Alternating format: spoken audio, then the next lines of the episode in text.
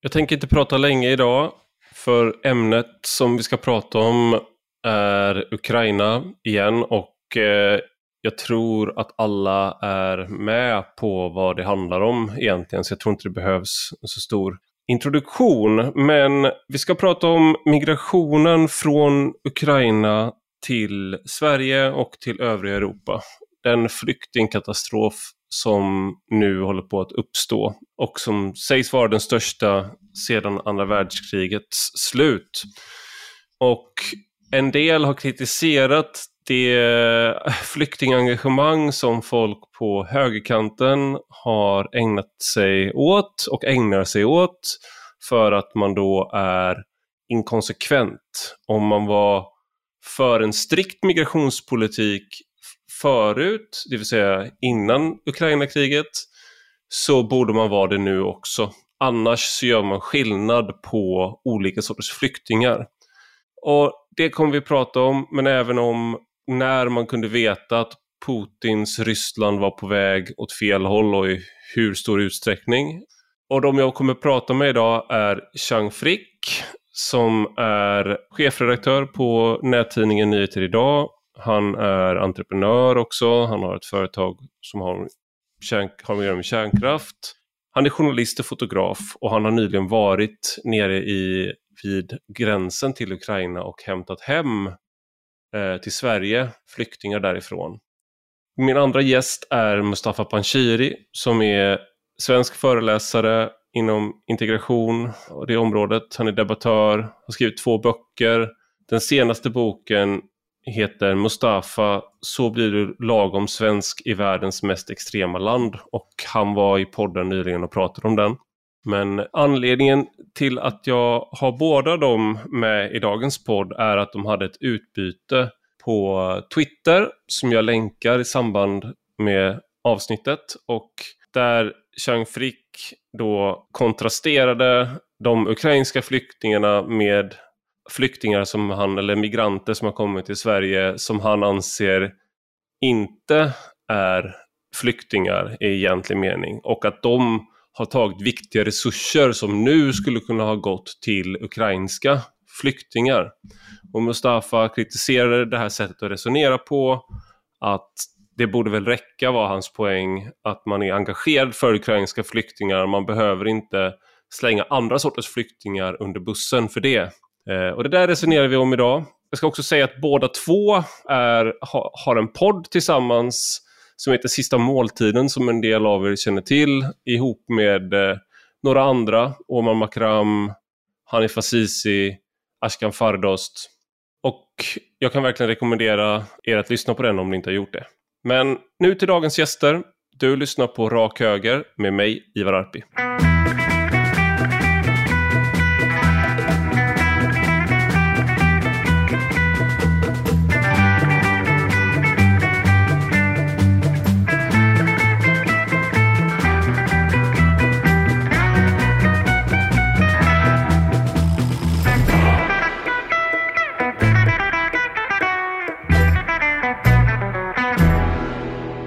Välkomna Chang Frick och Mustafa Panshiri till Rak Höger. Tack. Tack. Ja, vi ska prata om något så okontroversiellt som migration och flyktingar. Sedan Ryssland inledde sin invasion av Ukraina så har tre miljoner ukrainare flytt landet. Och det är den snabbast växande flyktingkrisen sedan andra världskriget säger man. Eh, och allra flest, runt två miljoner, har flytt till Polen. Eh, till Sverige kommer runt 4 000 per dag och fram till sommaren så tror man att eh, över 200 000 kommer att komma ungefär. Eh, så det kan bli en större flyktingkris än vad Syrien blev för Sveriges del i mottagande, kanske även större rent i absoluta tal också. Och jag tänkte bara vi kan börja, eftersom vi har Chang med oss, att eh, du har ju faktiskt varit på plats i där nere och eh, hjälpt flyktingar att ta sig till Sverige. Kan du berätta varför du gjorde det och hur du gjorde det? Det var inte planerat att jag skulle göra det. Det var att jag tänkte åka ner till gränsen bara för att kolla hur det ser ut. Mm.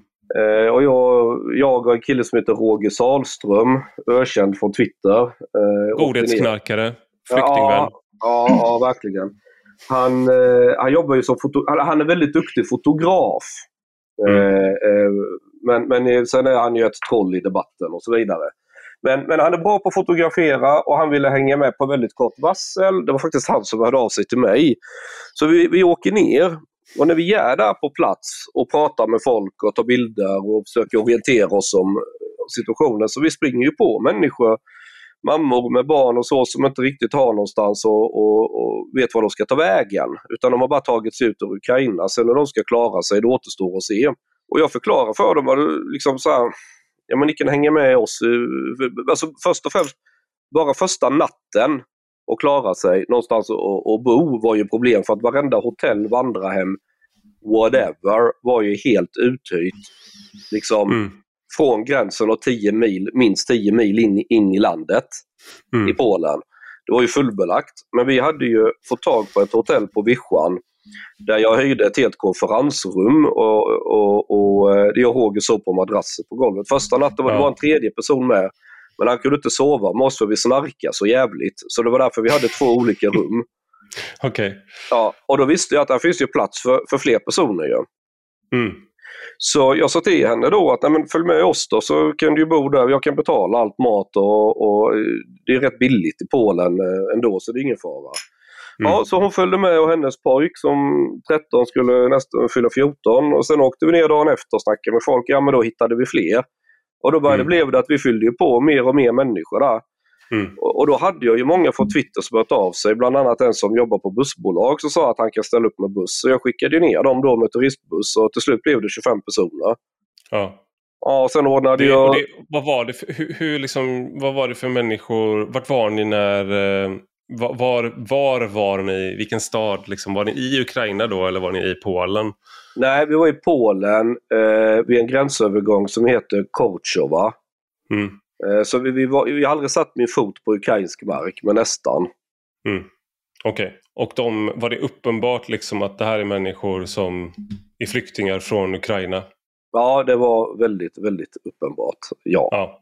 ja. Okej, okay. och sen åkte ni till, eh, till Sverige. Vad hände med, liksom, var lämnar ni av de här som ni hade med? Innan vi åker med bussen, ett par tre dagar innan, då ringer jag till en man som heter Fredrik von Essen som, som har eh, det här Skokloster värdshus och, och den anläggningen.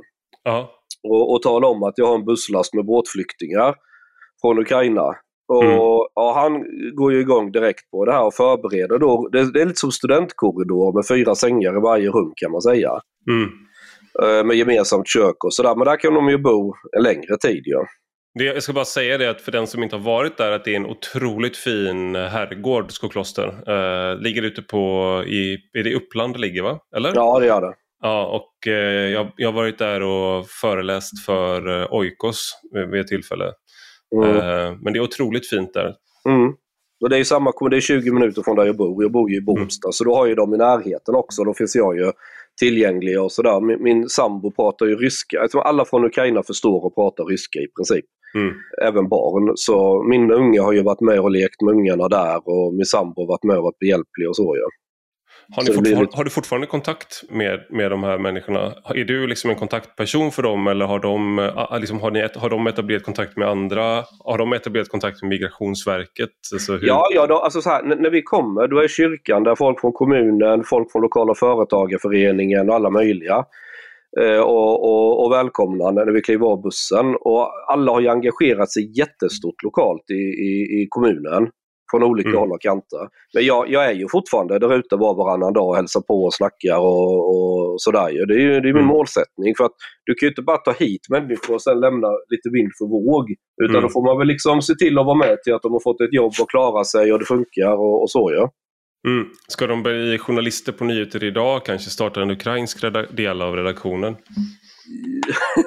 Ja, några sådana planer har jag väl inte. Jag, jag har hittat jobb på ett tryckeri bland annat i en av dem och, och lite så. Det... Annars kan det vara nyheter idag, Free Europe eller sådär. Att du blir liksom mm. som en sån där eh, kanal. Problemet, mot, är att, eh... problemet är att ju mer jag gör för att hjälpa folk från Ukraina, mm. ju mer blir jag liksom anklagad för att vara ryssspion. Vi ska komma till det. Att du är det. Eh, att du är Putin-troll. Ja. Eh, och så ska vi liksom nagla fast dig där så att du mm. sprattlar. Bra. Men jag tänkte att jag ska släppa in eh, Mustafa också. För att någonting som är, för den som inte vet vem du är, som, som kanske kommer in i så att säga, som har lärde sig svenska igår eh, och så hörde och inte känner till dig. Så låter du som eh, en sån här väldigt flyktingvänlig som alltid har, liksom, man skulle kunna tänka sig att du alltid varit för väldigt stor migration till Sverige till exempel. Och att det är det som är din position och du är dessutom så politiskt engagerad att du är beredd att själv fysiskt åka till ett land i nöd och hjälpa flyktingar till Sverige. Och det är, inte riktigt, det är kanske inte exakt det som har utmärkt eh, dig eller mig i, eh, i debatten. Men jag tänkte bara så här skrev du på Twitter för eh, nu när det här sänds så är det för sex dagar sedan, den 14 mars. Har ni tänkt, det här är Chang Frick då som vi har med oss här, då. har ni tänkt på att alla de uppenbara asylfuskare som Socialdemokraterna, Vänsterpartiet, Miljöpartiet och Centerpartiet till varje pris importerat, så många platser som gått åt, så mycket skattepengar, pengar och platser som egentligen är till för riktiga flyktingar, kvinnor och barn från exempelvis Ukraina.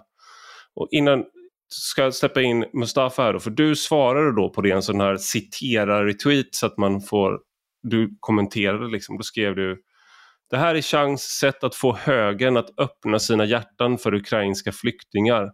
Men han vet att han endast kan lyckas med det genom att dels slänga flyktingarna från Syrien, Afghanistan, Eritrea etc. under bussen och dels genom att ge en känga åt S, V, MP och C. Och sen skrev du också, och ni som för bara några dagar sedan menade att Sverige är fullt och vi ska hålla gränsen är plötsligt helt för att vi kanske får över 200 000 flyktingar till Sverige inom loppet av några månader. Jag tänkte Mustafa, är det mm. liksom det här med att då, alla vet ju då att eh, eller vi har haft en väldigt flyktingkritisk, eh, migrationskritisk eh, Eh, opinion i Sverige de senaste åren. Men vad är det som, som gör människor den här skillnaden på ukrainska flyktingar menar du? Och liksom är det sådana som inom högen särskilt som gör den här skillnaden? Jag vill först och främst säga att, att det Chang har gjort, att han åker ner till Polen eh, och hjälpt flyktingarna i Ukraina och, och tagit med sig, det är beundransvärt. Han ska ha all cred för det. Han var först av, av, av alla i princip när han, när han åkte ner och det har jag liksom all, all respekt för. Det jag bara noterat i debatten är att, att så här, det, det, är krig där nere och jag vill också hjälpa flyktingar så mycket jag kan. Jag vill, liksom, men jag kan, jag kan säga det utan att, utan att göra någon slags distinktion mellan att för att det finns en del inom högern, Chang och Changs följare till exempel, som får hjärnblödning nästan av ordet flykting. Och för att man ska få dem att visa solidaritet mot eh, ukrainska flyktingar så måste man säga nej, nej, nej, hörni, det här är riktiga flyktingar. De här mm. som kom 2015, det var ju låtsasflyktingar. Dels det, och dels, och ni vet vilka som tog in de här låtsasflyktingarna. Eh, det här är de här partierna. Och nu ska vi tillsammans få in de riktiga flyktingarna och de är en vinst för Sverige. De kommer inte kosta oss någonting. De, de kan i princip svenska när de kommer hit och de kommer komma och jobba inom tre till sex veckor. Och Det är det här jag, jag, jag tycker bara är lite sorgligt att man inte bara kan säga, vi, kan vi inte bara hjälpa flyktingarna från, från Ukraina, visa solidaritet utan att behöva skapa motsättningar mellan andra. Jag tänker, Chuck, kan inte du svara på det då? För att jag, jag försökte få till diskussion på, på Twitter om det här men det, det var mm. inte så, gick inte så jättebra. Folk var väldigt upp... Men, äh... men alltså, oj. Eh, flyktinghjälp i Sverige har, det har handlat väldigt lite om att vara solidarisk, om ens något, utan det har mest varit ett verktyg för att slå i huvudet på andra. Vänstern har velat göra patent på att de är goda och bryr sig och högern är onda från Mordor och, och, och, och jätteelaka. Och just eftersom man har gjort så, så här, jag, jag, är jävligt tveksam till om det ens har varit ett genuint engagemang från vänsterhåll med människor från Syrien, Afghanistan och så vidare. Hos vissa individer säkert, ja, men överlag har det nog bara varit ett sätt för att man vill spegla sig och, och, och visa att man är god och vill hjälpa. För sen skiter man ju rätt stort stycke i de här människorna. I många fall i kriminalitet, hamnar utanförskap och hela biten. Det är inte så att de hamnar i, i medelklassens vita svenska områden på Bromma. Där Aftonbladet-journalisterna bor och alla andra som pratar om att de gillar olika. Så det här har ju mest varit ett spel för gallerierna och det man har gjort där det är att man har smutsat ner hela begreppet flykting till att betyda någonting helt annat än vad flykting egentligen betyder. Vad menar du då? Ja men fly en 32-åring med grått skägg från Afghanistan är väl inte ett ensamkommande barn? Mm. Som exempel. Människor från Syrien utger sig för, eller de, de, många, de visar sig många som utger sig för att komma från Syrien men kommer egentligen från andra länder. Och, det som lockar med Sverige det är ju att vi har ett väldigt generöst bidragssystem. Det är inte vädret som gör att de kommer hit. Mm. Nej. Eh, och vi, vi, har ju sett exempel, det till och med Iraks försvarsminister lever på bidrag i Sverige. Det, det har ju varit rena High Chaparral med, med svensk migrationspolitik och det är klart det står folk upp i halsen. Mm. Så man har ju missbrukat det här något kopiöst för att göra inrikespolitiska poänger eh, eh, 2015 och tidigare. Det är också helt tagit bort vår förmåga att hjälpa när det verkligen är, är kris i vårt närområde på riktigt. Som nu då? Och det var som det du syftade ja, på med den här tweeten bland ja, annat. Ja, precis. Som nu. Det, det här har ju kraftigt reducerat vår förmåga att hjälpa kvinnor och barn från Ukraina. Mm. Vi såg initialt när kriget började så gick sossarna ut liksom mer eller mindre själva och sa att vi har, vad var det Andersson sa? Vi har tagit vårt ansvar, nu får andra länder göra det. Mm. Att man Men liksom, Chang, ja. gör inte en del av högern och kanske delvis du också samma sak som kanske vänstern gjorde under 2015?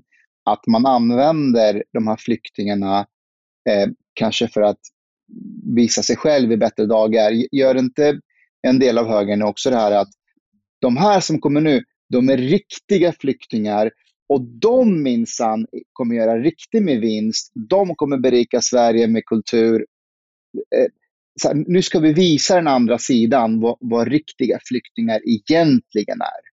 På poängen, så för mig som är mer relevant, är har man rätt i sak? Och, och när, när, det kommer till människor från Ukraina, vi vet ungefär hur det går med människor. Det, det är inte så att det är första gången det, det, är folk från Ukraina som sätter sig fot på svensk mark. De flesta kommer i arbete, de flesta blir självförsörjande. Det blir inte de här fri kulturella friktionen. Eller, vi kommer liksom inte ha något gäng med ukrainska babusjkor i Rinkeby som kastar sten på polisen och säljer knark vid tunnelbaneuppgången. Det kommer inte ske. Och det vet alla redan. Så att vi, vi, vi och, det, det, är en saklig omständighet som, som man måste kunna påtala. Och det har liksom alltid, jag är inte ute efter att, vad ska man säga, prata ner människor från Syrien eller Afghanistan. Det jag kritiserade det svenska systemet framförallt. Och framförallt hur det har behandlat politiskt. Alltså udden riktar mot de här vänsterpartierna. Men jag tänker en sak som eh, det var någon som gjorde någon, eh, något bildkollage. Jag, jag har själv skrivit om konflikter i världen som ingen bryr sig om i särskilt stor utsträckning. Till exempel kriget i Jemen eh, har, har, varit ett krig som har varit eh, kanske haft en ännu större humanitär varit mm. en ännu större humanitär katastrof än kriget i Syrien.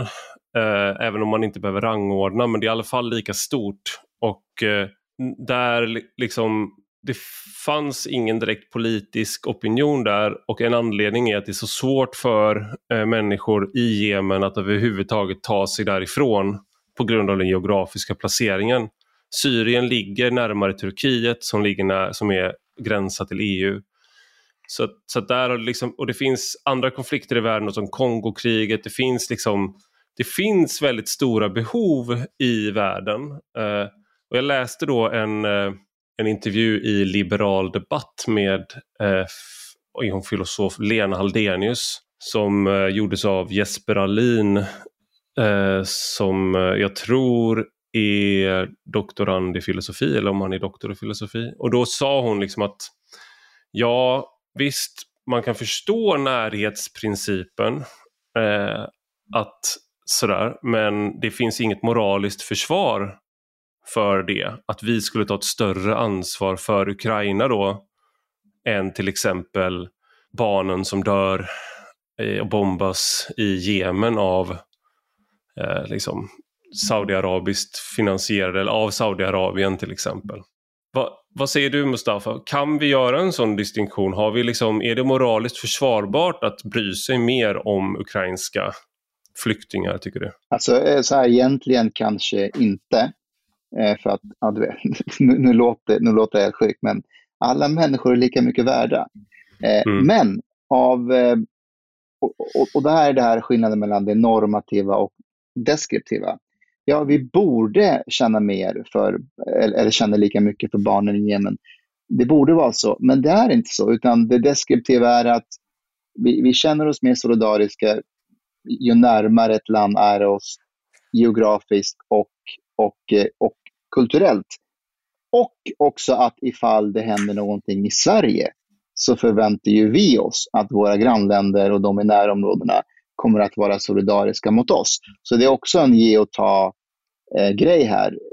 Någon slags informell kontrakt med de andra. att om Vi hjälper er, ni hjälper väl oss också. Um, och det är fullt mänskligt, det, det, det förstår jag. Mm. Men moraliskt så har vi fel? Vi borde, alltså än en gång, vi borde känna lika mycket för barnen i Jemen som vi gör för barnen i Ukraina. Vi borde, men vi gör inte det. Och jag är inte den som kommer att stå och säga så här, app, app, app, varför gör du inte det? För att jag är likadan. Ja, det är klart att jag eh, har en annan relation till, till Paris än vad jag har till eh, Egypten. Liksom. Mm. Vad tänker du Chang? Är det liksom, eh, ska vi, för att jag märkte när det här skedde med Ukraina att det har funnits en sån här aspekt att eh, folk har blivit sura för det här engagemanget. Mm. Ja, och då, du är kanske en av de som har provocerat mest då. Mm. Eller just för att du då ses som eh, en person som borde säga nej, nej, nej, nej, app, app, app, app, app. Och så åker du till och med ner och hämtar, hämtar flyktingar. Därför liksom. att jag, jag har länge försvarat principen om närområde. Mm. Och det vore hycklande av mig om jag nu bara skulle sitta med armarna i kors och, eller till och med sjunga i kören att eh, nej, nu är Sverige fullt. Mm. Två fel gör ju inte ett rätt. Det är ju nu om någonsin jag anser att Sverige faktiskt har ett moraliskt ansvar att ställa upp. Mm. Eh, det är bara ett land mellan Sverige och Ukraina. Det är väl ett tiotal länder om du ska ta dig från Afghanistan till Sverige. Och det är mm. väl ett, sex, sju länder blir det väl i alla fall om du ska ta dig från Syrien till Sverige tror jag. Mm. Jag har inte räknat exakt, men någon, någon, någonting sånt. Och, och, det är väl fullt logiskt också där att, att om det är kulturellt närstående och geografiskt närstående, att då är viljan större. Det, det blir lättare för de här människorna att fungera i samhället. Jag är, jag är, inte säker på att det här kulturella... Jag, jag, jag absolut att vi kanske är liksom närmare kulturellt till Ukraina än vad vi är till Jemen. Sådär. Men den relationen Sverige historiskt har haft till både Polen och Ukraina är att vi åker dit och har ihjäl enorma mängder människor och sen åker vi hem igen. Alltså jag tänker på när Polen, det, det de benämner som den perioden de benämner som den svenska syndafloden och som Ukraina benämner som eh, ruinen kallas den tidsperioden. Det heter Karl XIs polska krig i Sverige. Mm. Eh, alltså vi har och vi har, två, vi har haft liksom de har varit ortodoxa, eller på, på, Polen då har varit katolska men inte de vi pratar mm. om nu. Men i Ukraina har man varit eh, till största delen ortodoxa. Och vi är protestanter, pratar olika språk. De har ingått i Sovjetsfären, det har inte vi gjort. Eh, förutom public service då. Och eh, den här tanken om att vi hänger ihop kulturellt är, känns ändå som att den, alltså jag, jag ifrågasätter den inte, men den i alla fall, den känns som att den är i relation till människor som har kommit till Sverige de senaste decennierna så står Ukraina närmare. Alltså ja, jämfört med människor från... Och en, annan, en annan skillnad då som jag tänker med flyktingvågen 2015 framförallt och, och där dessförinnan. Jag tror att det bara var runt en tredjedel av de som kom då 2015 som kom, eh, kom från Syrien och de kom inte, många av dem hade bott i Turkiet i flera år. Mm. Eh, de flest, väldigt många av de som kom kom från Afrika och kom, många av de som har kommit från Afrika har snarare kommit som en slags i en ekonomisk migration brukar man säga. Så det har också varit att en, eh, varit mer oklart vem det är som kommer. Och samma sak egentligen när vi pratar om de här ensamkommande flyktingbarnen så är det så här, eller afghanska eh, barnen, då, då, är det ju de har inte varit, liksom, de har varit ensamkommande i bemärkelsen att de inte haft med sig sina familjer. De har inte kanske varit barn i bemärkelsen att de har varit under eh, den åldersgränsen.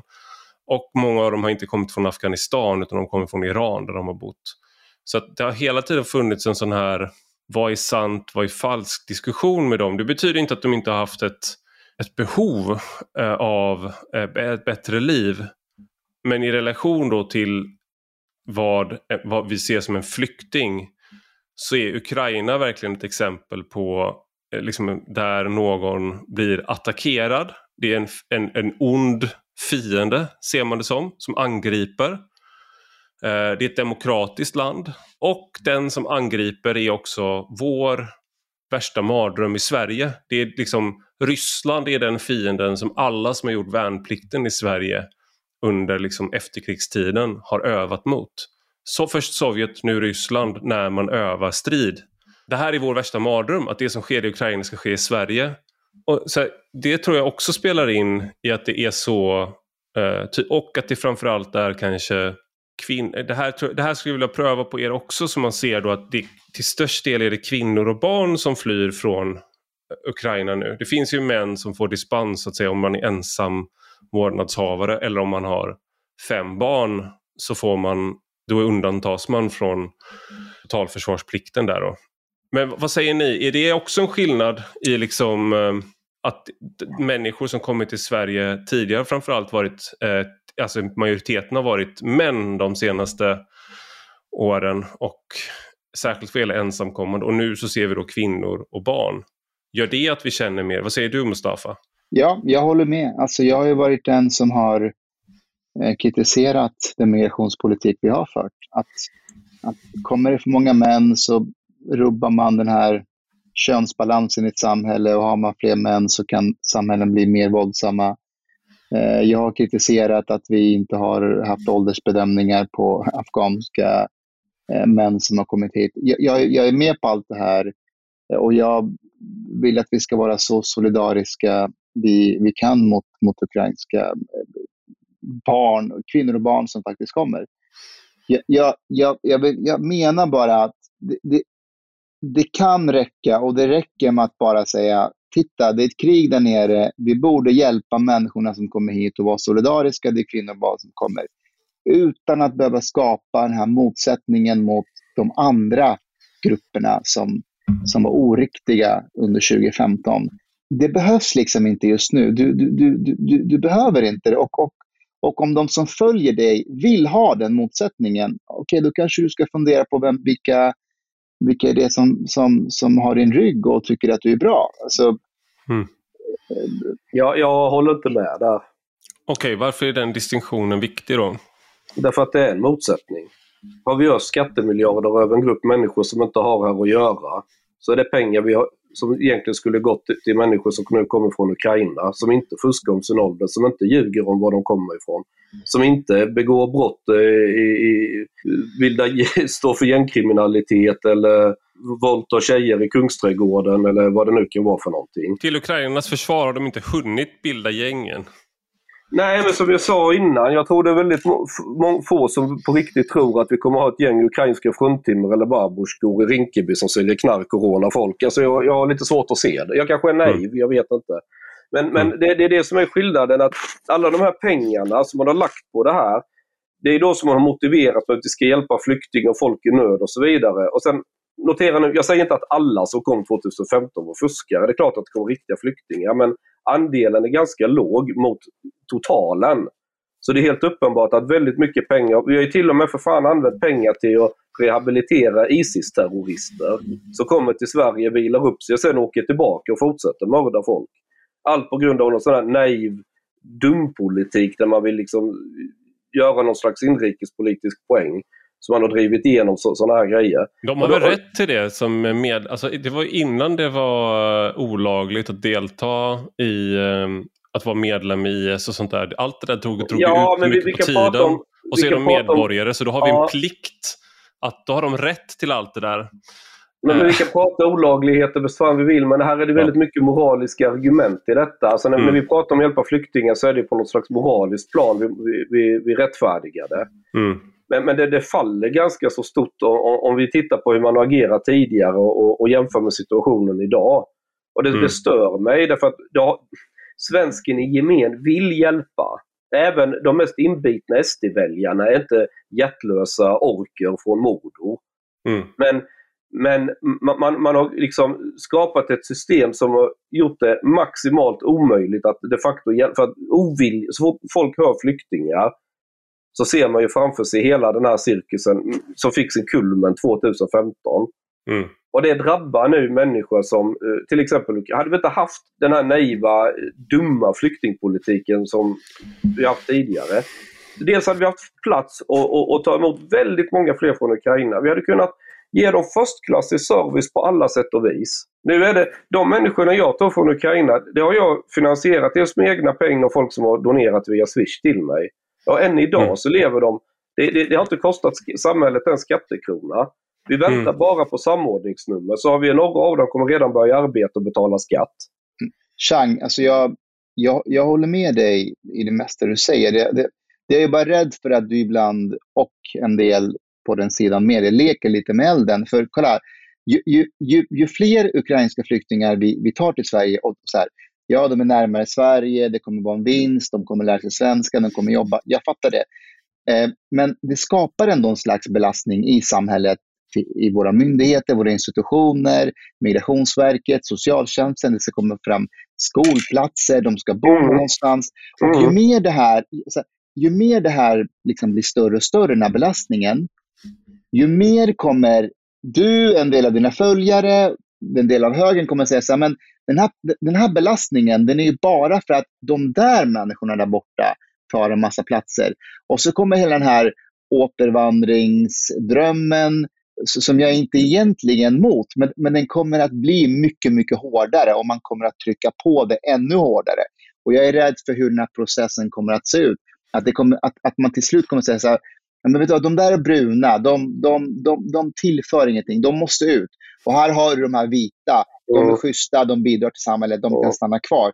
Och jag är rädd att du, du är en del av de, den människorna på högersidan pushar det här för mycket och att man leker lite med elden. Tre av de personerna vi tog är kurder med irakiska pass. Två av dem är ju eh, gifta med ukrainska kvinnor. De här är väldigt utbildade, jättetrevliga, liksom schyssta killar. Att det handlar om hud... Eh, de bodde ju i Ukraina då ju, så att på den grunden har de ju då rätt att, att, att till exempel ta sig till Sverige. Men, men, min, men, men så här, att det skulle handla om hudfärg, det har jag lite långsökt att se. Alltså svensken i gemen och även SD-väljarna i gemen. Det är inte hudfärg som gör att, att de är kritiska mot människor från vissa länder. Det är hur man upplever att det, att det fungerar sen efter de har kommit till Sverige. När, när en hög andel hamnar i kriminalitet, högt bidragsberoende, bara en sån sak när man går i skolan och man får höra att din mamma knullare eller den typen av av eh, eh, grejer. Det skapar ett resentiment hos folk. Men du kommer Absolut. inte höra en ukrainsk kvinna uttrycka sig så. Så att det, det, här, det här är liksom inte... Givetvis ska inte folk som har tagit sig till Sverige från Afghanistan eller Syrien som på riktigt är flyktingar och, och sköter sig, pluggar och, och, vill bli en del av samhället. De ska inte hamna i kläm.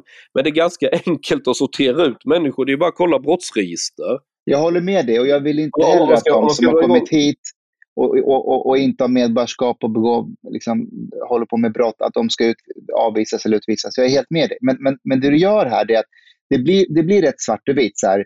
De, de som inte var riktiga flykt, flyktingar. Ja, men så här, du har ju de som har kommit hit från Syrien. Den första generationen, det tar tid för dem att komma hit. Så mm. du har familjer från Syrien just nu, där både mamma och pappa går på bidrag. De har inte mm. lyckats etablera sig i samhället.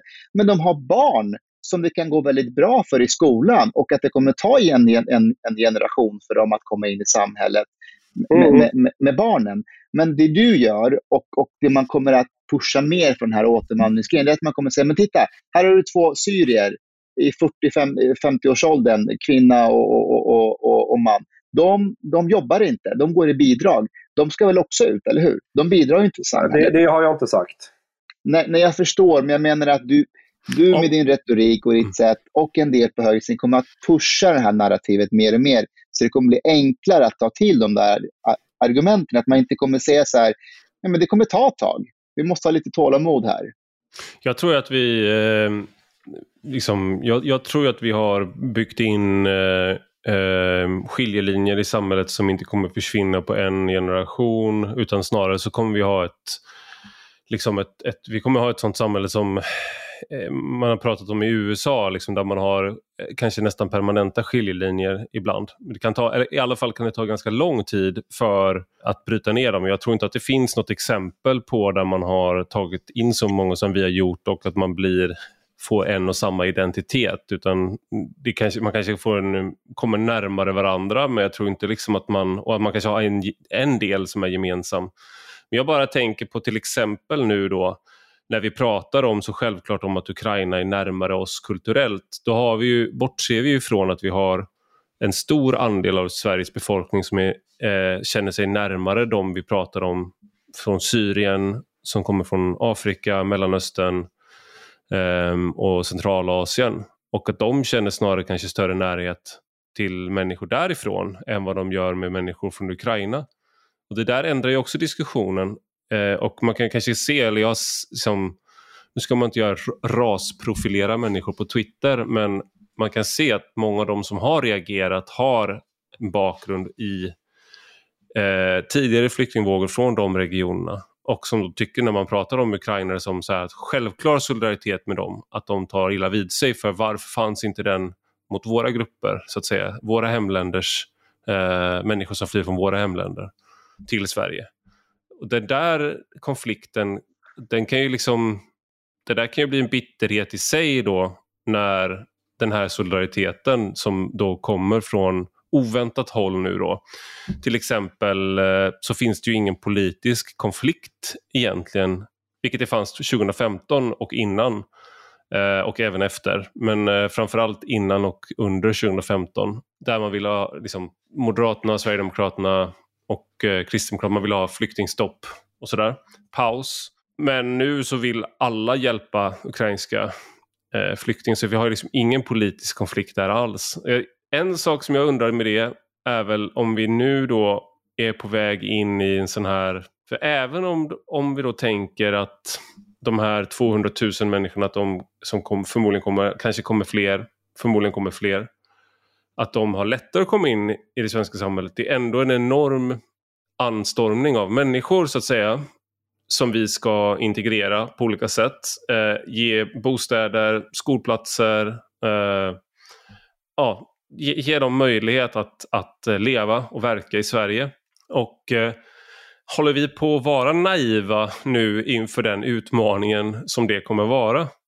Att det ändå är, för det ändå är, sker på kort tid och det är väldigt många människor. Och det är trots allt under de rådande omständigheterna där vi redan har tagit emot så många. Är vi liksom i ett nytt sånt här mitt Europa bygger inga murar moment nu där vi är alldeles naiva för vad vi klarar av? Vad säger du Mustafa? Ja, alltså eh, så här, det kommer inte vara lika stor utmaning som det var under 2015. Nej, det är det inte. Och av eh, självklara anledningar som vi har gått igenom. Men det kommer ändå att bli en belastning. Och vi måste bara vara ärliga med det. Vi kanske, eh, så här, tänk er om Agenda hade ett program där, som hette eh, eh, eller, eller ett, ett, avsnitt som hette Hur många ukrainare tål Sverige? Ja. Alltså, hur, hur, hur hade Chang och många andra på högersidan reagerat? Det jag hade blivit varit... jättearg. Ja, du, okay. och, och då måste man ställa sig frågan varför. Ja. Varför? Och hade, och hade, och hade vänstern eh, eh under 2015 en poäng när de blev arga och anklagade eh, eh, SVT och Agenda för olika saker? Jag tror frågan ska... borde ställas hur många ukrainare tål vänstern? Hur tänker du då? Därför att det har ju blivit som ett polskifte lite, det är Mustafa inne på. Att nu är det högern som, som vill hjälpa människor. Men vänstern, väldigt mycket av debatten som jag möter, jag har fått ett antal debattartiklar kastade mot mig och nu ringer till och med David Bas och då vet man att medierna är sura på en. Det är ju att nu, nu, nu börjar vänstern snarare prata om att det är lite problematiskt med invandring och, och, och framförallt blir de arga. Varför visade det inte det här engagemanget 2015 och så vidare. Mm. Eh, men, men man ser till DN också. När det var 2015 då skulle vi gå med jättevinster på invandringen. Nu var det en rubrik om att det här kan kosta landet med, med flyktingar från Ukraina. Mm. Så de ställer sig mer på den sidan. Det, det, det, är inte alls den här... Jag vet inte, det håller på att skifta liksom. Ja. Jag skulle Men... inte säga att vänstern är emot ukrainska flyktingar. Däremot så är de kanske mer tysta. Men jag skulle inte säga att de är emot. Och att... Nej, inte, nej jag, jag säger inte heller emot. Men, men det är inte det här engagemanget, inte den här... Eh, utan den ser vi från högerhåll snarare. Men det kanske har att eh. göra med att man tycker att frågan har kapats av, av dig och andra på högersidan. Skulle, skulle du säga att vänstern kapade frågan 2015? Ja, ja absolut. Ja, det, det, är och, och lite de, som du säger Mustafa med att um, Äh, alltså, an, de, man tycker att eh, till exempel eh, Chang och, och, och Roger Salström när de åkte ner till exempel så kap, kapa frågan på något sätt. Sådär. Och då är det egentligen den, den kritiken som du riktar mot Chang när han kontrasterar mot då så att säga eh, de som inte är lika mycket flyktingar i, i han, enligt honom. Eh, den kritiken skulle man kunna rikta mot vänstern här. Att vad spelar det för roll att människor som ni kanske inte gillar annars eh, är de som är mest engagerade nu? Är inte det fantastiskt? Ta emot det och liksom ställ er sida i sida istället för att, sådär, för att politisera den skiljelinjen som ni är så vana vid. För att det viktiga är flyktingengagemanget för de ukrainska flyktingarna här, inte om man gör det av liksom eh, eh, om man inte var till, lika engagerad, lika konsekvent och i deras värld för till exempel flyktingar från Jemen, Syrien, eh, Eritrea och liknande. Ja, men precis. Alltså mitt, mitt, mitt budskap är egentligen ganska enkelt. Så här. Se vad som händer i Ukraina. Hjälp till så mycket du bara kan. Var solidarisk mot de ukrainska flyktingarna. Men, men skit i vad dina ideologiska motståndare tänker och hur det kommer påverka dem eller vad de står i frågan. Gör det för att du genuint vill hjälpa till. Men om du gör det för att här, det här kommer att irritera mina motståndare, ja, men då kanske du gör det av fel anledning. Mm. Gör det för att du genuint bryr dig. Jag tänker Chang, vi ska komma in nu på, uh, för uh, det har skrivits flera artiklar där du har omnämnts. Jag har också omnämnts för att jag skrev en tweet om att när jag kritiserade att eh, det, det, här är det lilla i sammanhanget, men jag, jag, skrev en tweet och jag har skrivit texter om det också där jag kritiserat EU, Bryssel och Europe, EUs ledare som vill tvinga Ungern, Polen, alltså vicegradländerna att ta emot flyktingar mot deras vilja med hot om sanktioner. Och då har jag sagt att man ska inte, det, det där är helt fel väg att gå, men länder ska själv, borde själva få välja det. Eh, också då har jag skrivit en formulering om att det är inte tanks, det är inte stridsvagnar från Moskva utan det är påbud från Bryssel. Så ser man på det i de här länderna. Och då tycker då Hynek Pallas till exempel och Jens Liljestrand att jag har använt en sån här Putin-retorik. Men du har ju faktiskt eh, gjort något så hemskt. Du har ju sålt bilder. Kan du förklara var, varför är du liksom en... Just nu så sa du då, precis innan vi började här, så hade David Bas från Expressen ringt dig. Och det är han, som, mm. han har skrivit om Sverigedemokraterna, han granskar ofta så det man kallar för högerpopulism och sånt där, mm. alternativ media. Så varför ringde han dig? Men det är väl, alltså det började redan när jag åkte ner till Ukraina, då var det väl Amanda Sokolnicki på DN som hon blev väldigt arg över att folk tyckte det var bra det jag gjorde eftersom jag för åtta år sedan har sålt bilder till Russia Todays dotterbolag Raptly. Och jag ska ju aldrig någonsin förlåtas för detta brott mot mänskligheten.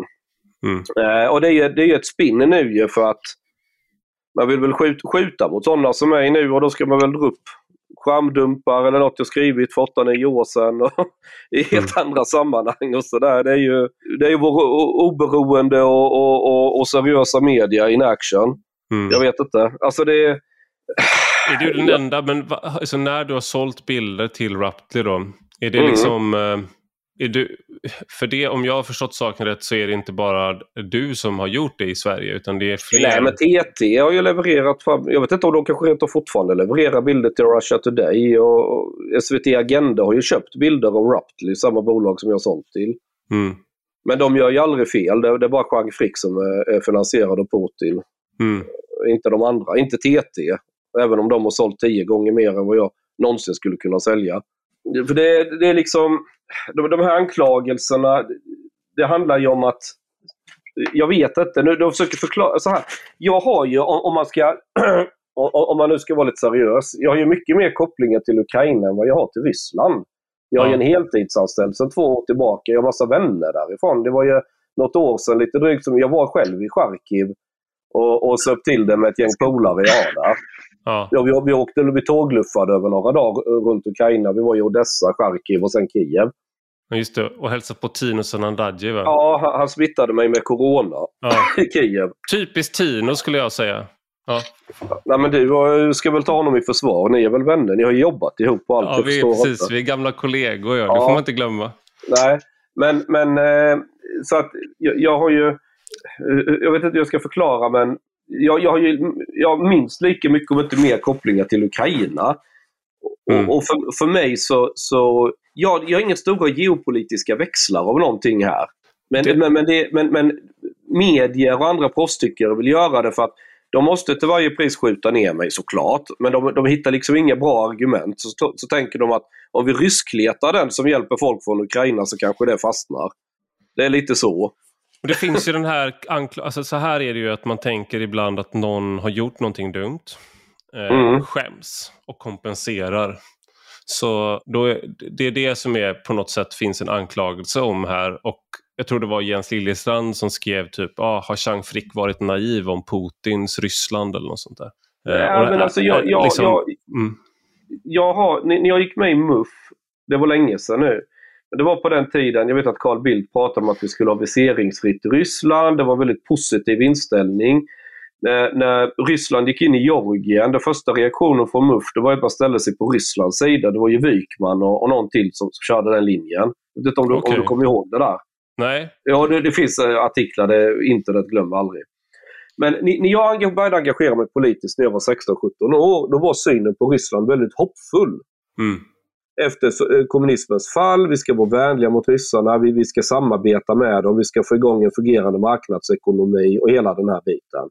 Mm. Och även när Putin i början var president så var bilden ganska hoppfull och, och positiv. Jag vet att George Bush uttalade sig till och med av alla människor väldigt positivt om Putin och sådär. Han sa så, I looked into his soul. Eh, ja, någonting ja, sånt där. Det, om man hör det, det finns på Youtube. Det är, ett, eh, det är verkligen ett tidsdokument från år 2000. Ja, ja. Och, och, 2000, år 2000 var jag 16-17 år, engagerad i MUF. Det, det formade ju mycket av min syn på världen där och då. Det, det är ju någonstans i den åldern man börjar få upp intresset kanske för geopolitik, omvärlden och, eller politik i största allmänhet. Mm. Och jag har väl såklart burit med mig en, en sån här förhoppning om att Ryssland ska kunna ta sig bort från misären på 90-talet, bli ett vettigt land demokratiskt och, och stå på egna ben. Och, och, och, ja, men du förstår vad jag menar. Mm.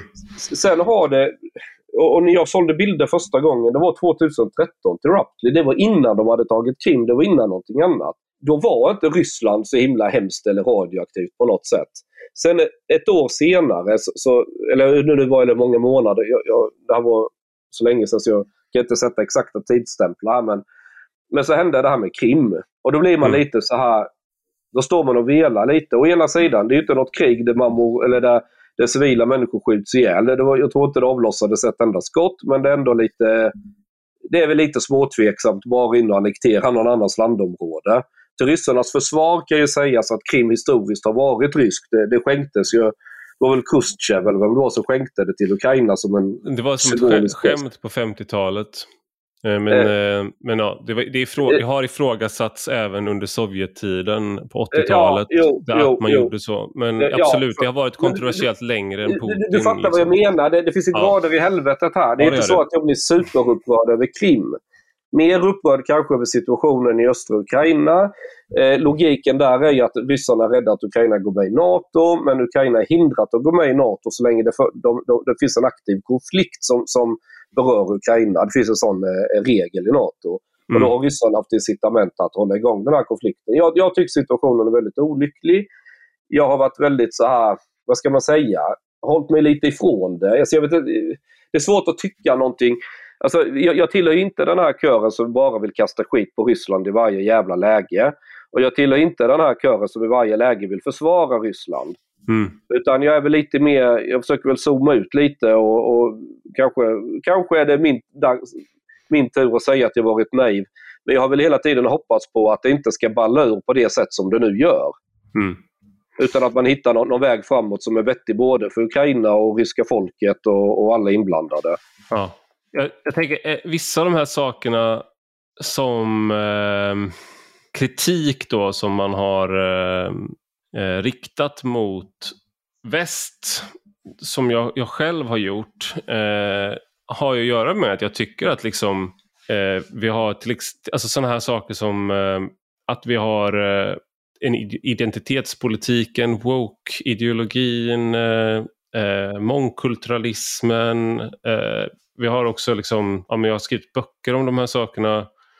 Så genusdoktrin som ska tryckas in i allt. Eh, HBTQ-certifiering. Alltså vi har ju många av de här sakerna och eh, till exempel svenska, jag kritiserade Försvarsmakten när de hade eh, regnbågsflaggan. Mm. Att det är så här, äh, värt att försvara. Och då sa jag liksom att det räcker med svenska flaggan. Mm. Eh, och, och, många av de här sakerna är ju sånt som man i Ryssland gillar att skjuta mm. in sig mot. Och då mm. blir det ju så här one degree of separation på något sätt. Att, att jag är så att säga en del Precis. av uh, Rysslands propaganda. Precis, och det, mycket av den ryska kritiken mot väst är väldigt snarlik den så kallade högerpopulistiska inhemska kritiken, eller hur jag ska uttrycka mig. Ja. Eh, eh, och, och det, är, det är det som det egentligen handlar om här och det är därför man gärna vill hitta minsta lilla så kallade bevis på att man kan knyta mig eller dig eller någon annan till Ryssland. Så vill man spela på det för att liksom stärka sin tes. Mm. Men uh, Rysslands kritik mot väst, den har de ju helt oberoende av vad jag eller du eller någon annan på högerkanten i Sverige säger. Mm. Det, det har liksom inte... Eh, och mycket av den kritiken är ju legitim. Och det, mm. det, det, blir inte min, alltså, om, om Kim Jong-Un i Nordkorea påstår att svenska skatter är höga så blir inte det falskt bara för att det är han som säger det. Nej, och det här är väl också att eh, en, det är inte, det, vad ska man säga, inom sådana här människor som har läst uh, filosofi A brukar säga att det är skillnad på korrelation och kausalitet. Mm. Uh, och att, att den här kritiken finns i väst och att den är väldigt kontroversiell i väst är ju någonting som man från rysk sida, man, kanske, man är ju trots allt en del av liknande kulturområde och man vänder sig mot eh, vissa av de här tendenserna som man uppfattar är liksom korrumperande för vad man tycker är en sund kultur i Ryssland till exempel. Och det är ju inte bara Putin utan det är Solzhenitsyn också. Liksom. Och den, det är kulturkritiker som verkar från väst som har haft men kritiska, varit kritiska mot Sovjet men de är kritiska mot väst också. Eh, så det, det, men i alla fall, det är ju inte, då är det ju så här att okej, okay, när, när de här människorna ser som Mat, eh, Marine Le Pen, Matteo Salvini, eh, vissa republikaner och så där, när man ser då att, ja, man hamnar i liknande tongångar som till exempel Putin, det är ju inte en anledning till att tänka hmm, jag måste ändra alla mina värderingar. Däremot så har vi kanske Putin och Kreml sett att här kan vi stötta människor som vi då i så fall kan mm. eh, ha inflytande med för vi ligger närmare dem. På samma sätt har man ju gjort med vänstern och fredsrörelsen som mm. är emot all, all typ av försvars... Alla försvars, mm. höga försvarsutgifter, de är emot NATO. Uh, och det här, Vänsterpartiet har ju varit den skarpaste kritikern mot NATO i Sverige. Jo, men det, det är väl eh. likadant. Alltså, det är inte konstigare än att väst stöttar LGBT-rörelsen i Ryssland. Nej. Det, det är liksom... Att be en homosexuell i Ryssland sluta vara homosexuell för att det är västinfluenser, det är, det är inte riktigt ja, samma. Det, men det är lite så när man ska be folk i väst att sluta och kritisera vissa saker för att i Ryssland... Ja, men det är precis. Man, man kan alltid kontrastera det mot, mot det motsatta bara för att få en bild av vad det handlar om. Mm. Men, men eh, tyvärr så har ju vissa högerpopulistiska rörelser, eller vad vi ska kalla det, i Europa haft lite band till Kreml. Kanske mm. inga jättestarka, det vet jag inte hur man ska värdera, men, men det har ju funnits eh, exempel på det där de liksom suttit och smidit ränke tillsammans och, och så ju. Jag ja. vet ju att eh, även, även AFS i Sverige, de deltog ju på någon grej i Moskva mm. eh, inför förra valet. Eh, där det. det var en massa olika inbjudna från fjär och närran till, till, till Ryssland. Så, så eh, visst har det funnits små, men, men jag skulle nog påstå att det är oftast väldigt marginaliserade marginaliserade företeelser som AFS till exempel, eller den här tidningen Nya Tider har ju varit ganska, eller väldigt öppet ryssvänliga och, och, och smygpopulister eller vad man ska säga. Men det har jag liksom aldrig fått något fäste det där i, i, i det bredare högerpopulismen eller vad man ska säga. Den har nog hållit sig ganska överlag neutral till Ryssland, fram till nu, till det som sker nu. Det här tänkte jag också på att man, eh, om man kollar på hur många som var tyskvänliga under liksom 20 och 30-talet. Eh, mm. och, och, att man tyckte att Hitler var, och liksom nazisterna, de hade eh, bra, det var go i dem och att det hände saker och sånt där.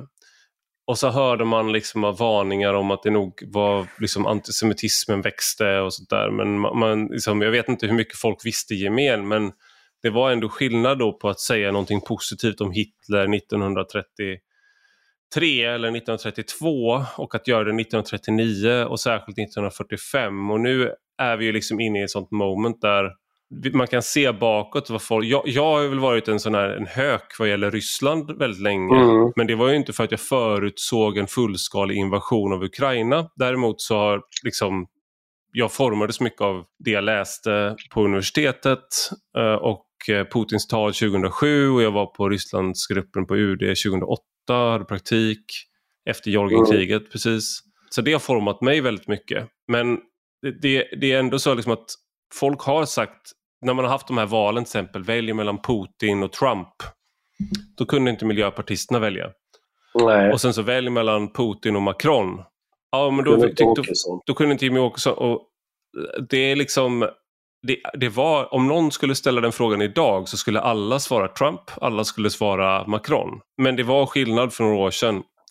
Jo, men det finns en sån här logik i debatten ibland att man, man för åtta år sedan eller vad någonting skulle ha förutsett vad Putin skulle ställa till med idag, vilken är såklart helt efterbliven. Och det är samma sak som att i Sverige så var man ganska positiv till Hitler, men det var ju innan folk visste om vad som hände i koncentrationsläger och hela jävla allt han ställde till med.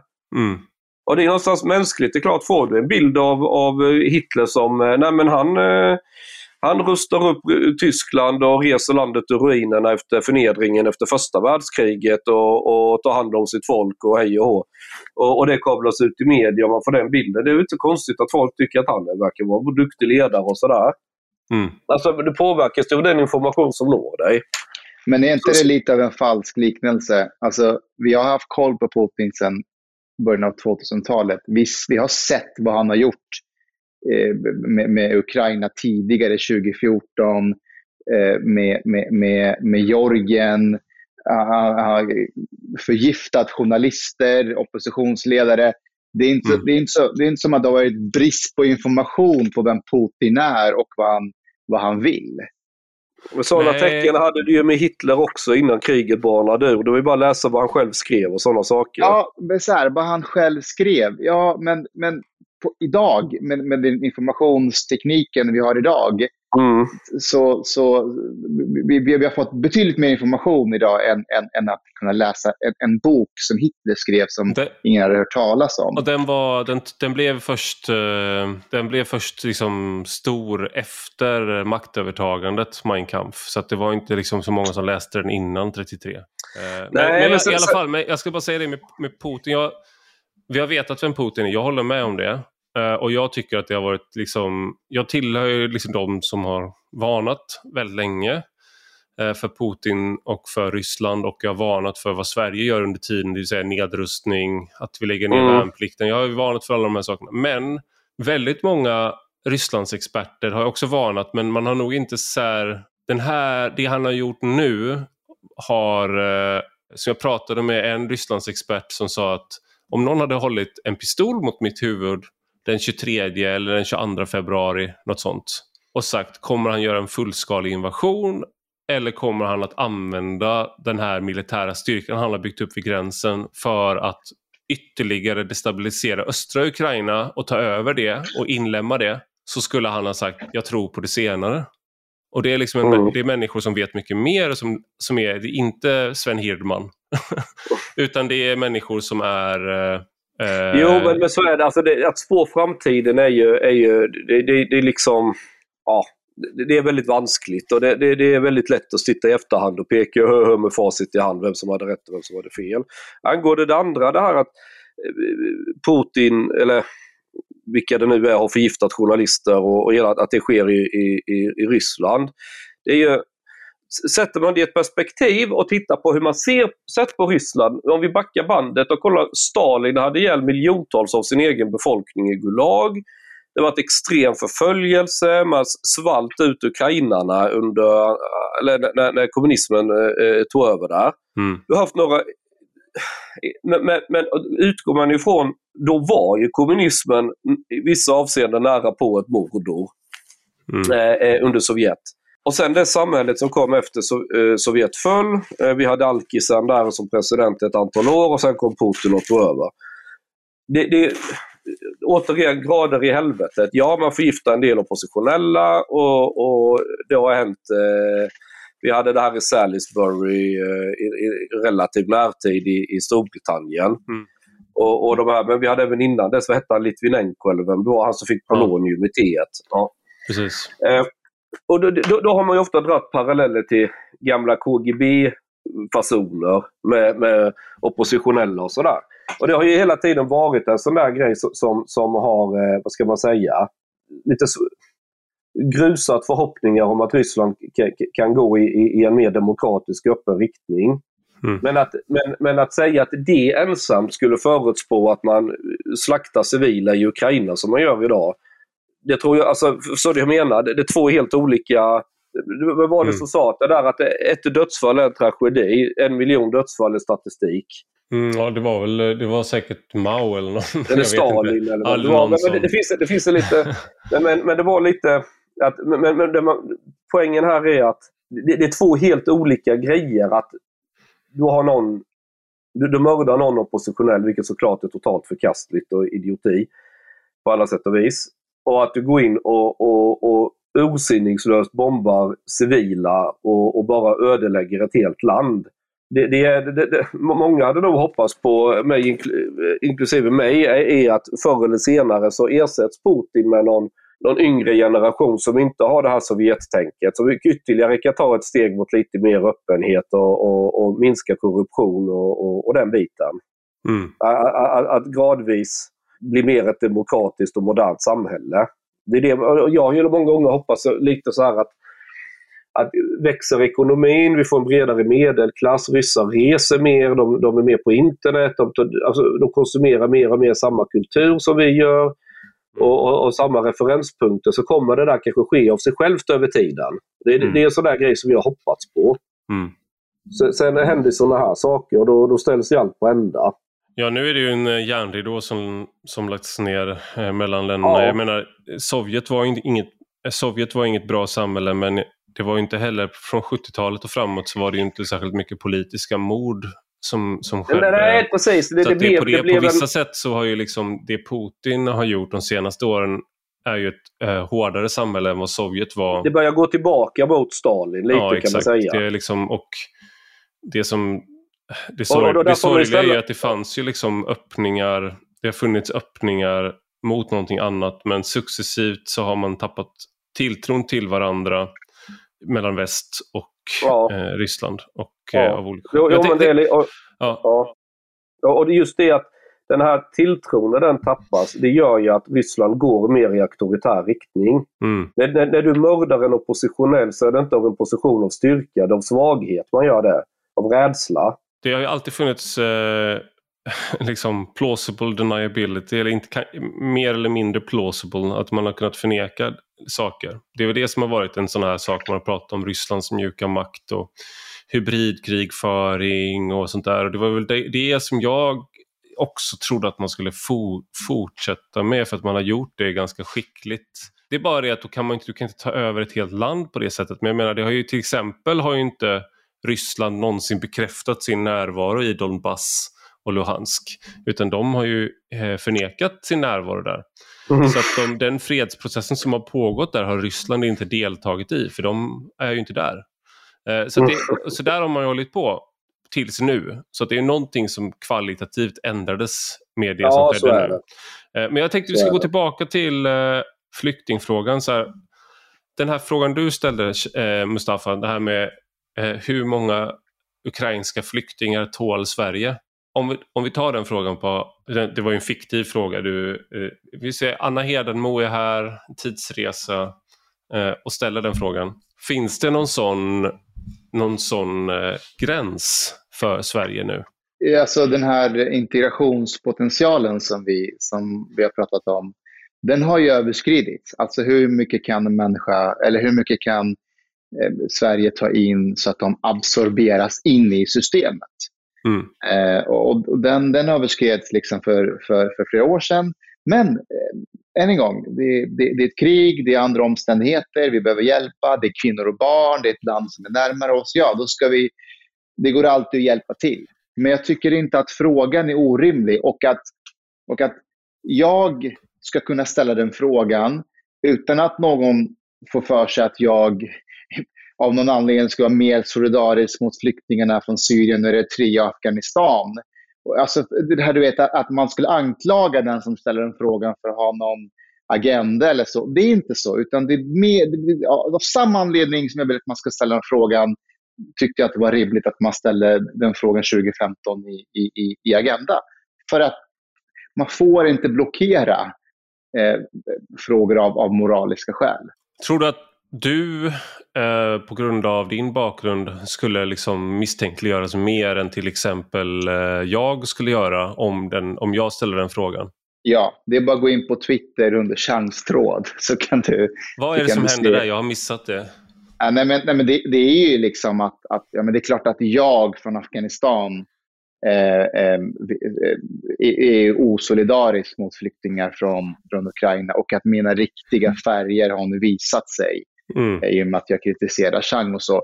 Och då tar man ingen som helst hänsyn till det jag ändå har gjort de senaste åren eh, och, och hur mycket skit jag faktiskt har fått från mina egna landsmän för hur jag har drivit frågan om, om integration eh, och då, då är det någonstans ens hudfärg som, som den klicken av högen bara baserar det på.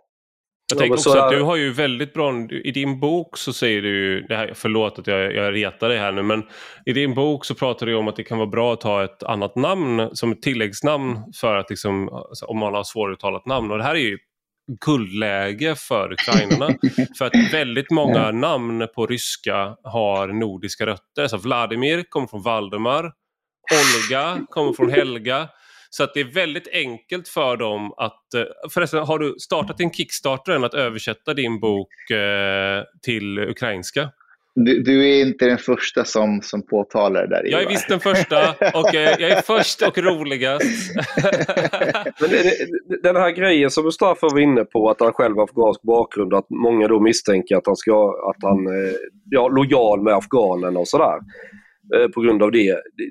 Så, så där är det ju. Det, det är ju likadant, jag är en sambo från Ryssland. Det mm. uttrycks ju sällan, det är inte fint att peka på det i medierna som ett argument. Mm. Men givetvis spelar det roll i bakgrunden. Att min unga kan prata ryska, det, det gör ju mig direkt mis misstänkt ju. Ja. Att var ligger chans och lojalitet egentligen och så vidare. Ja. Så, och, och, så funkar det. likadant när David Bas ringer och de här. Mm. Det, det, det, nämns aldrig utåt men, men ja, ni fattar vad jag menar. Ja, det mm. finns under ytan. Ja, ja exakt, exakt. Vad, tänker du, vad, vad tänker du med den här frågan då? Hur många ukrainska flyktingar tål Sverige? Är det liksom en fråga som eh, överhuvudtaget är rimlig att ställa nu? Eh... Jag har argumenterat följande. Vi tål hur många som helst därför att ukrainarna, när de väl har etablerat sig i Sverige och ska gå och rösta så kommer de ta mig fan inte rösta vänster i alla fall. Så att det, det är bra på flera sätt att ta emot de här människorna. Det rättar till könsbalansen. Det finns väldigt många snygga, unga, attraktiva ukrainskor. Vi har ett mansöverskott i Sverige. Det är människor som kommer komma i arbete eh, betydligt fortare än många andra grupper som kommer till Sverige. Det är inte människor som kommer i någon stor utsträckning falla i kriminalitet eller vara en belastning på det sättet. Det är människor som har en drivkraft, som vill tjäna pengar, som vill liksom eh, ta sig vidare i livet. Eh, det finns alla argument tänkbara varför Sverige tål hur många ukrainare som helst. Det finns ingen volym, eh, alltså andel här. Nej, när, alltså jag tar, kan... när, jag åker, när jag åker flygplan över Sverige så ser jag hur mycket plats som helst som är ledig. Ja, och det var Sverige det som saknade här. Det var, det var det som var min, min, min poäng här. Det är att det har ju hänt något helt, ja, det har hänt något helt galet här. Alltså att du låter precis som Sandro Scocco, fast, fast på schack nästan. Problemet alltså, och... det handlar inte om jag låter som honom. Det, det, det handlar om, har jag giltiga argument i botten? Det hade inte Scocco, det har däremot jag. jo. Det, det här var en turn of events som ingen såg komma. Det var, jag såg det inte det var komma. Chang Frick, mitt Europa bygger inga murar, Sverige, Sverige stort, vi tjänar på det. Uh, ja, men po poängen är... Du är, en, du är en vandrande Sandviken-rapport. ja, men allting, allting handlar inte bara om hur man positionerar sig i debatten. Det finns ju också en verklighet att förhålla sig till. Mm. Och det är oftast två skilda saker. Och det är Sandviken. Det är det som är verkligheten. Ja, men, absolut. Ja. Vi, de, de, är, de badar i pengar nu i Sandviken. Stort tack Chang Frick och Mustafa Panshiri för att ni var med i Rak Höger. Tack så ja, mycket. Tack själv. Ja, hej hej. Och stort tack till dig som har lyssnat. Detta är alltså en del av en större publikation på Substack med samma namn som podden. Den som prenumererar där får två texter i veckan utöver den här podden varje söndag. Gillar man det man läser och hör så får man gärna bli betalande prenumerant för 5 euro i månaden eller 50 om året. Och Då får man också ta del av lite extra material som är exklusivt för betalande prenumeranter. Du hittar rubbet på ivararpi.se.